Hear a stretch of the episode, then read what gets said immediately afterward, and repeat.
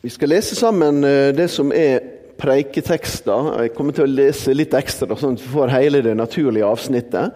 eh, For eh, allehelgensdag. Og eh, i år så er preiketekster fra Lukasevangeliet sitt sjette kapittel. Vi leser fra det 20. verset.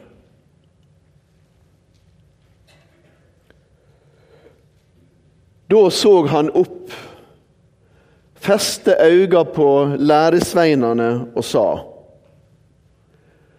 Salige de fattige, Guds rike er dykkar. Salige de som nå svelt, de skal mettast. Salige de som nå gret, de skal le. Salige er de når folk for menneskesønnens skyld hater dykk, støyter dykk ut og spotter dykk, og kaster navnet dykkar fra seg som noe vondt. Gled dykk på den dagen og hopp av fryd. Stor er lønna dykkar i himmelen. Det samme gjorde fedrene deres med profetene. Men ved dykk rike, de har alt fått dykkar trøyst. Ved dykk som nå er mette, de skal svelte. Ved dykk som nå ler, de skal gråte. Ved dykk når alle taler vel om dykk, for det samme gjorde fedrene deres med de falske profetene. Og Når Jesus har sagt det, så får vi si at slik lyder Herrens ord.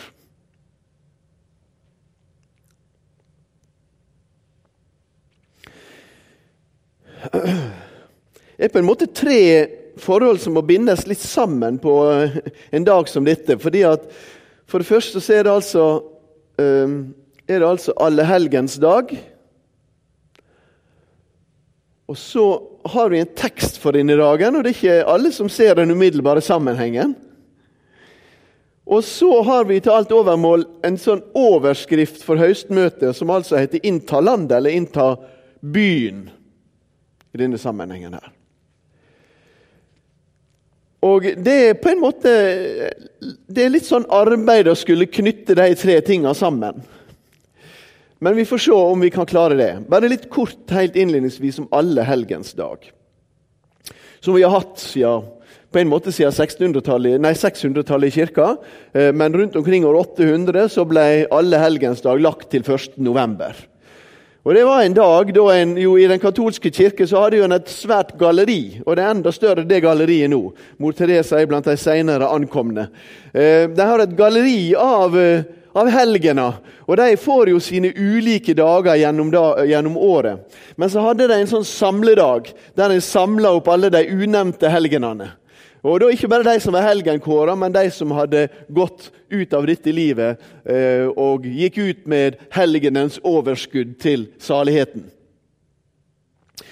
Det var 1. november, det skulle være alle helgens dag. Og så ble 2. november, som det fortsatt er i den katolske kirke, er alle de dødes dag. Så har jo vi fått seinere oppå noe annet her, som egentlig er 31. November, eh, oktober, og som vi kaller for All Hollows Evening, eller Halloween.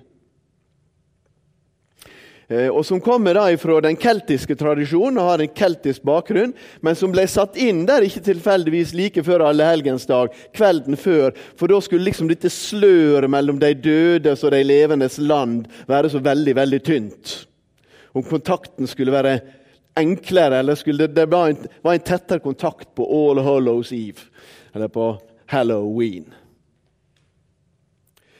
Så flytta jo vi på 1700-tallet allehelgensdag i Norge til eh, første søndag i november. Så fikk vi liksom et brudd med dette der videre.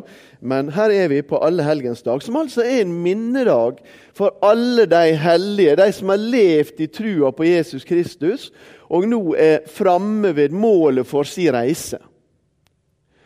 Og Det som er noe av hensikten med dagen, det er at vi skal kikke tilbake på deres liv, og så skal vi hente inspirasjon fra deres liv til vårt eget liv.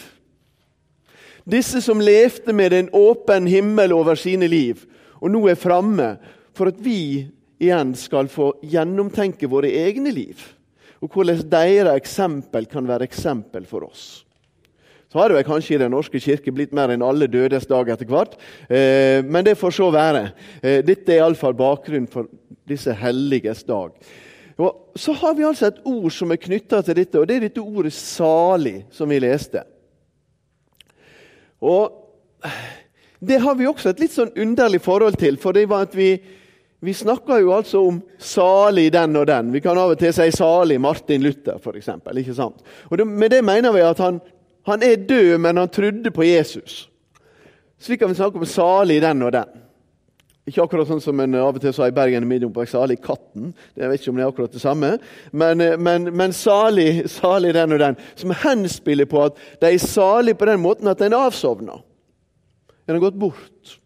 Eller en er framme altså da i herligheten.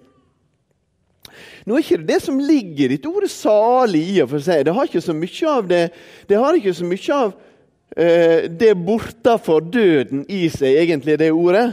Dette ordet 'salig' det er et ord som uttrykker den, på en måte den ultimate lykke.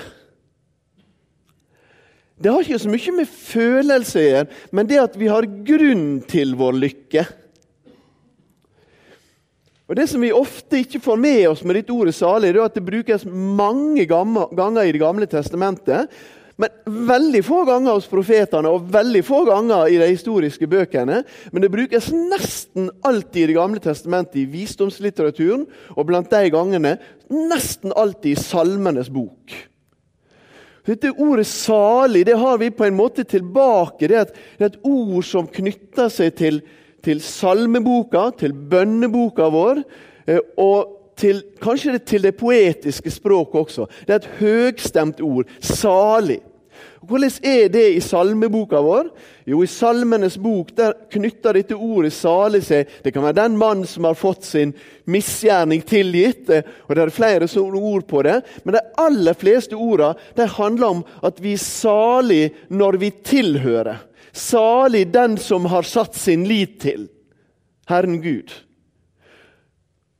Så ordet 'salig', det å være salig, det betyr å ha en tilhørighet, en tilflukt, å sette sin lit til.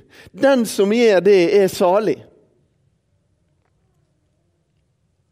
Og Det gir oss litt av bakgrunnen inn i dette, denne korte utgaven av saligprisninga. For dere hørte at den var litt annerledes. Og den var i alle fall kortere enn saligprisningene slik vi møter dem i Matteusevangeliet, i det som kalles bergpreika. Og Her er det, her er det på ei slette på slettepreika som Jesus taler dette til dem. Eh, og Han ser altså opp. Og hvem var det han så på? Fordi det var mange. Hadde vi lest versene før, så ville vi sett at det var masse folk der. Med ulike forventninger. Men så står det at når Jesus begynner talen sin, så ser han på disiplene sine. Han så opp, feste øynene på disiplene sine. Det var mange han kunne feste øynene sine på. Han festa dem på disiplene sine. Og det er til dem han sier disse ordene 'salige de fattige'. Han sier ikke 'salige de fattige', men han fester øynene sine på disiplene sine og sier 'salig de fattige'.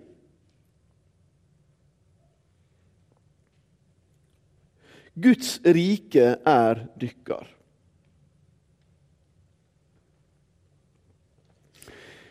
Så kommer de videre nedover. Salig er, eller salig det som nå svelt, det skal mettes. Det som ler, eh, det som gret, det skal le. Eh, også dette med forfølgelsen. Og Så kommer på en måte motsvarighetene til dette i disse vedropa. Så når han sier 'salig de fattige, Guds rike er dykkar', så sier han også 'men ved dykk rike'. De har alt fått dere trøyst. Hva mener Jesus? Mener Jesus det som nå avdøde professor Jakob Jervel sa i sin tid, at, i teologi, da, at uh, alle fattige blir frelst. Fattigdom er på en måte en vilkår, det er en inngangsport til frelsen. Og I dag så er det en professor på MF som heter Sturla Stålseth, som sier akkurat det samme. Er det slik at den fattige blir frelst pga. sin fattigdom? Nei, men det sier jo ikke Jesus her. Snarere er det slik at de som får disse ordene sagt til seg, blir frelst på tross av sin fattigdom. Men fordi de i sin fattigdom har funnet en tilflukt og har en tillit til Jesus Kristus, til Gud. Hos Matteus er det et større vers, ikke sant? Salig, og han sier 'de fattige i ånda si', eller i seg sjøl. Salig er de som er fattige i seg sjøl. De som ikke har noe sjøl å bringe. Himmelriket, som Matteus skriver, er deres. Salige dere fattige. Så sier han det altså ikke til hvem som helst, men han ser på disiplene sine og sier det. Og vi må jo si det at det var ikke alle av de som var fattige. Dette er et avsnitt som, Det er den andre talen som kom i Lukasevangeliet. Den forrige var i synagogen i Kapernaum, der han, sier der han leser fra Jesaja-boka. Og så sier han uh, at han er kommet med godt budskap for fattige. Og i dag er dette budskapet oppfylt mens dere hørte på. Og I det som er mellom det fjerde og det sjette kapittelet, så handler det stort sett om at Jesus driver og plukker ut disiplene sine og kaller disiplene sine. Og En av de som han kaller, han var i alle fall ikke fattig, for han het Matteus eller Levi. Og han var toller, så alt tyder på at han var kjemperik. Og Det er også god grunn til å tenke at disse fiskerkarene oppe fra Galilea heller ikke nødvendigvis var så veldig fattige. De drev med båter, sannsynligvis drev de når vi leser om Sibideus, far til Johannes og, og Jakob, at han også hadde arbeidsfolk med seg. Som betyr at nei, han var ikke i vår standard så var han nok fattig og hadde et enkelt liv, men i den tida sin standard så levde han ikke et spesielt fattig liv på den måten. Og Likevel sier Jesus, når han ser på disse disiplene, salige dere fattige. Kanskje speiler det det som disiplene en gang sa til Jesus, sa til Jesus Vi som har forlatt alt, hva skal vi få? Men der, han snakker altså til disse og Det er ikke uvanlig dette her i, i Lukasevangeliet at når han snakker om de fattige, eller om de minste små, så er det ikke det barna han snakker om, men han snakker om disiplene. Dere mine minste små. Den som gir et glass vann til en av dere mine minste små så snakker han om disiplene sine. Det er de han snakker til her, og det er oss han snakker om. Fattige Fattige på oss sjøl. For slik å sette vår lit til Jesus Kristus. Guds rike er dykkar. Ja, for det er to ting som skal møte oss. Det er Guds rike, og det er Guds dom. Og vedropa lyder over de rike som har satt sin lit til sin rikdom.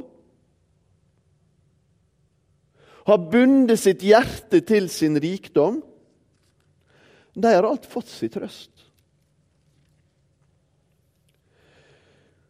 Salig er dere som svelt som Matteus skriver i en utvida utgave, salig er den som hungrer og tørster etter rettferdighet. Det skal mettes.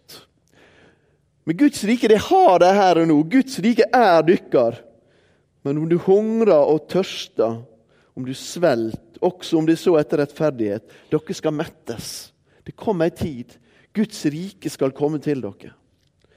Men ved dere som nå er mette, som har slått dere til ro med det dere har, som tenker at ja, la oss ete og drikke, for i morgen dør vi. Ved dere som er mette, som er mette på dere sjøl, som er mette på det som denne verden gir.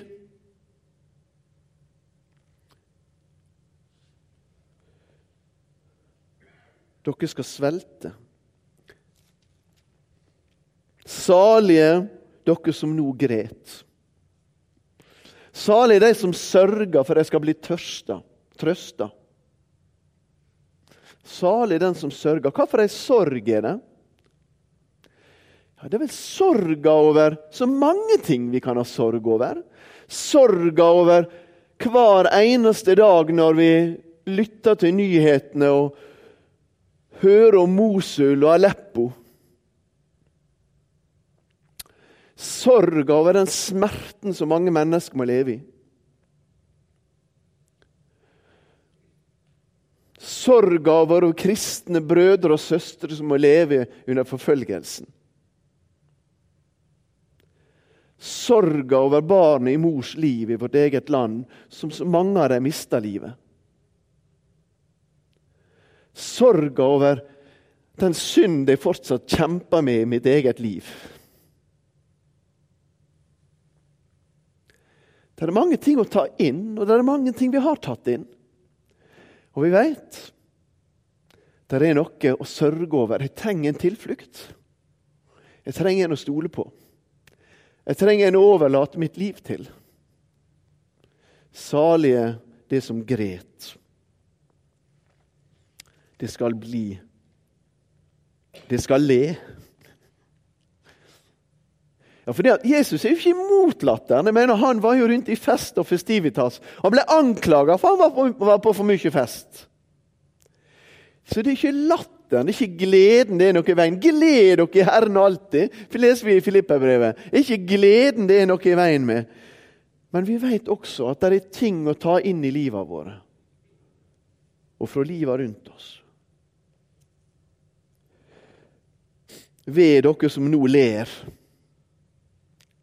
Som lever på overflata. Som bare lever sorgløs og lukker verden ute. Og ikke lar din neste smerte berøre deg. Ved er de som nå ler. Dere skal sørge og gråte. Salig er det når folk for menneskesønnens skyld hater dykk og støyter dykk bort. Så får vi akkurat denne lille saken inn her. Salig er dere når de hater dere for menneskesønnens skyld. Og Kanskje det er nettopp det som er selve stikkordet for alle saligprisningene. Dere som er fattige for menneskesønnens skyld. Dere som sørger for menneskesønnens skyld. Dere som svelter for menneskesønnens skyld på grunn av etterfølginga av Jesus Kristus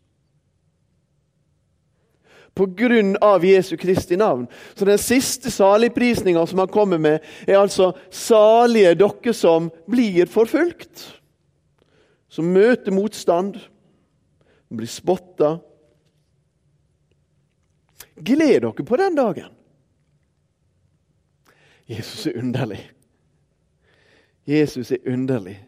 Gled dere på den dagen. Kan vi glede oss i motstanden? Peter skriver om at det er mulig å skaffe seg en motstand som vi ikke skal skaffe oss. Nemlig med å gjøre dumme valg i livet.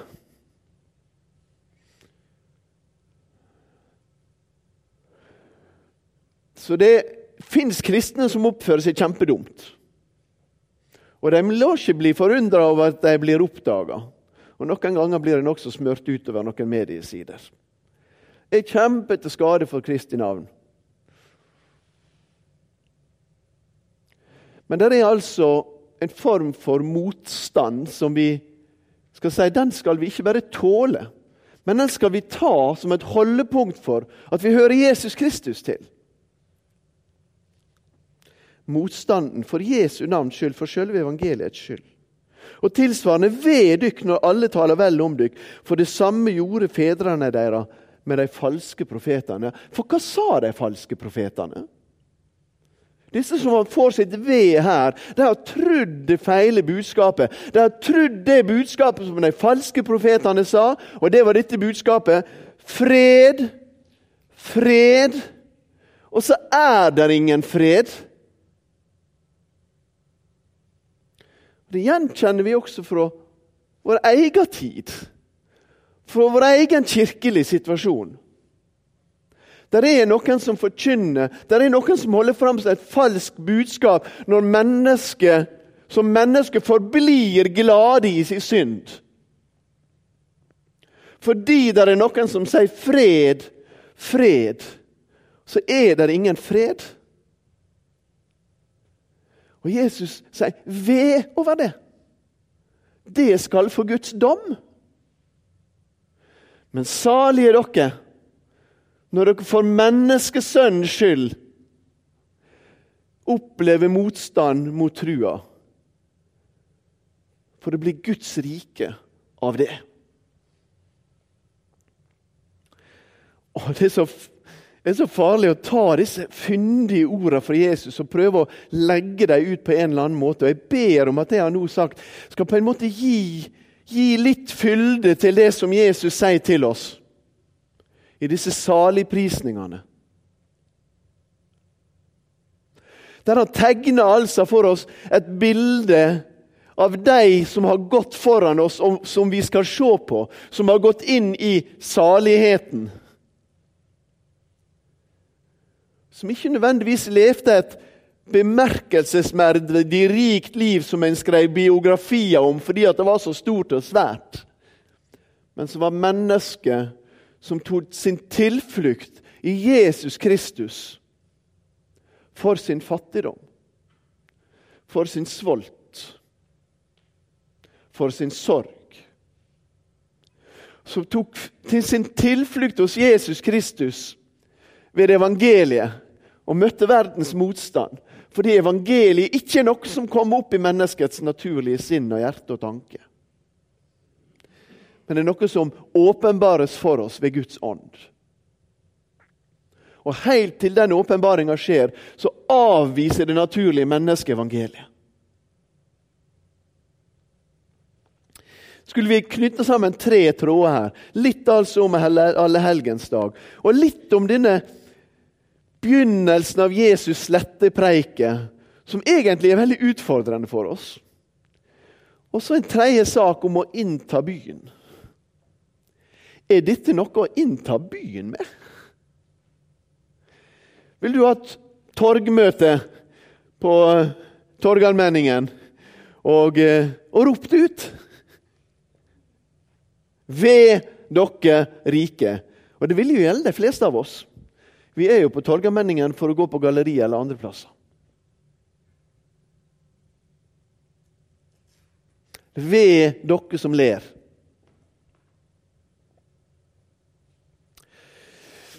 Nei, men jeg tror vi skal knytte det sammen med allehelgensdagene.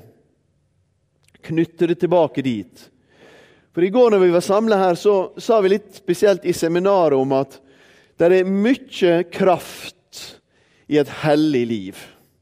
Det er mye misjonskraft i et hellig liv. Og Det er noe som går igjen i hele Det nye testamentet knytta inn mot oss og våre liv. Så er det dette 'lev et hellig liv'. Og En av lesetekstene for denne dagen her, den er fra Hebreabrevet, det 11. kapittelet. Og Hebreabrevet, det 11. kapittelet, det er jo en lang fortelling om alle disse som bare så noe der framme men de gikk i tru. Og de døde uten at de fikk sett oppfylt det som de trodde på. Heltene i Det gamle testamentet, som vi av og til kaller dem. Trusheltene. De som trodde, og de gikk på denne trua. Og om Moses så står det Om Moses så står det at han akta ikke rikdommene i Egypt for noen ting. Han ville heller lide vondt med Guds folk ville heller lide vondt med Guds folk. Han ville prioritere det framfor en kortvarig nyting av synda. Fordi at han levde livet sitt under en større himmel, under et overlys. Abraham ja, Hva visste han egentlig? Men han ante at det var en by der framme. Og han gikk mot den. Han fikk i grunnen aldri sett den. Men det måtte være noe større. Og slik tar han dem person for person for person, han som har skrevet brevbrev, og sier lær av dem. Lær av de som går, gikk foran. De hadde et større syn foran seg. Og de lot dette synet kaste lys tilbake på livet her og nå. Så de kunne leve sitt liv i denne byen, i Jesu Kristi etterfølgelse. Og Når vi snakker om å innta byen, så er det som vi sa, det er ikke en militær erobring vi snakker om. Hvis det er en erobring, så er det en kjærlighetens erobring, der vi kan erobre menneskets hjerter. Med etterfølgelsen av Jesus Kristus. Og Det kan hende det er slik som Peter også skriver i det første brevet. Jeg er veldig glad i første Peters brev. Han skriver noe om at om at de vil undre seg at dere ikke hiver dere ut i utskeielsene sammen med dem. Men når dere lever det livet, så vil de til slutt se De vil kanskje i en tid ikke tale vel om dere, når dere ikke er med på bedriftsfesten på samme måten som andre. Vi kan være der, men vi er på en måte partykillere, for vi registrerer jo alt som skjer. Det er noe med renheten i å være den som følger Jesus Kristus og ta det hellige kallet på alvor. Og gjøre det blant mennesker. Det er ikke her inne det hellige livet skal leves. Skal leves der blant mennesker. Så de ser det og registrerer det. Og av og til snakker de ikke vel om det. Men så sier både Jesus i bergpreika, slik vi har den i den fyldige versjonen i Matteusevangeliet, og Peter sier akkurat det samme. Men så også skal de prise Far dykkar i himmelen når de ser de gode gjerningene deres. Når de ser at dere tar på alvor å leve det hellige livet. Da kommer de kanskje med det spørsmålet som vi har fått mange plasser rundt omkring i verden, i internasjonal misjon. I land der vi ikke hadde lov å snakke, gå ut og forkynne, så kommer mennesker og så spør de, men hvorfor gjør dere dette imot oss. Og ikke imot oss på en vond måte, men for oss. Hvorfor gjør dere det? Så kan vi si fordi vi følger Jesus Kristus. Hvorfor kaster ikke dere dere ut i disse vellyster? Hvorfor kaster dere dere ikke ut i den? Jeg følger en større, en høyere vilje. Jeg tror Han som skapte oss, vil oss vel. Så jeg, jeg, tar, jeg tar, utgangspunkt i Han, jeg.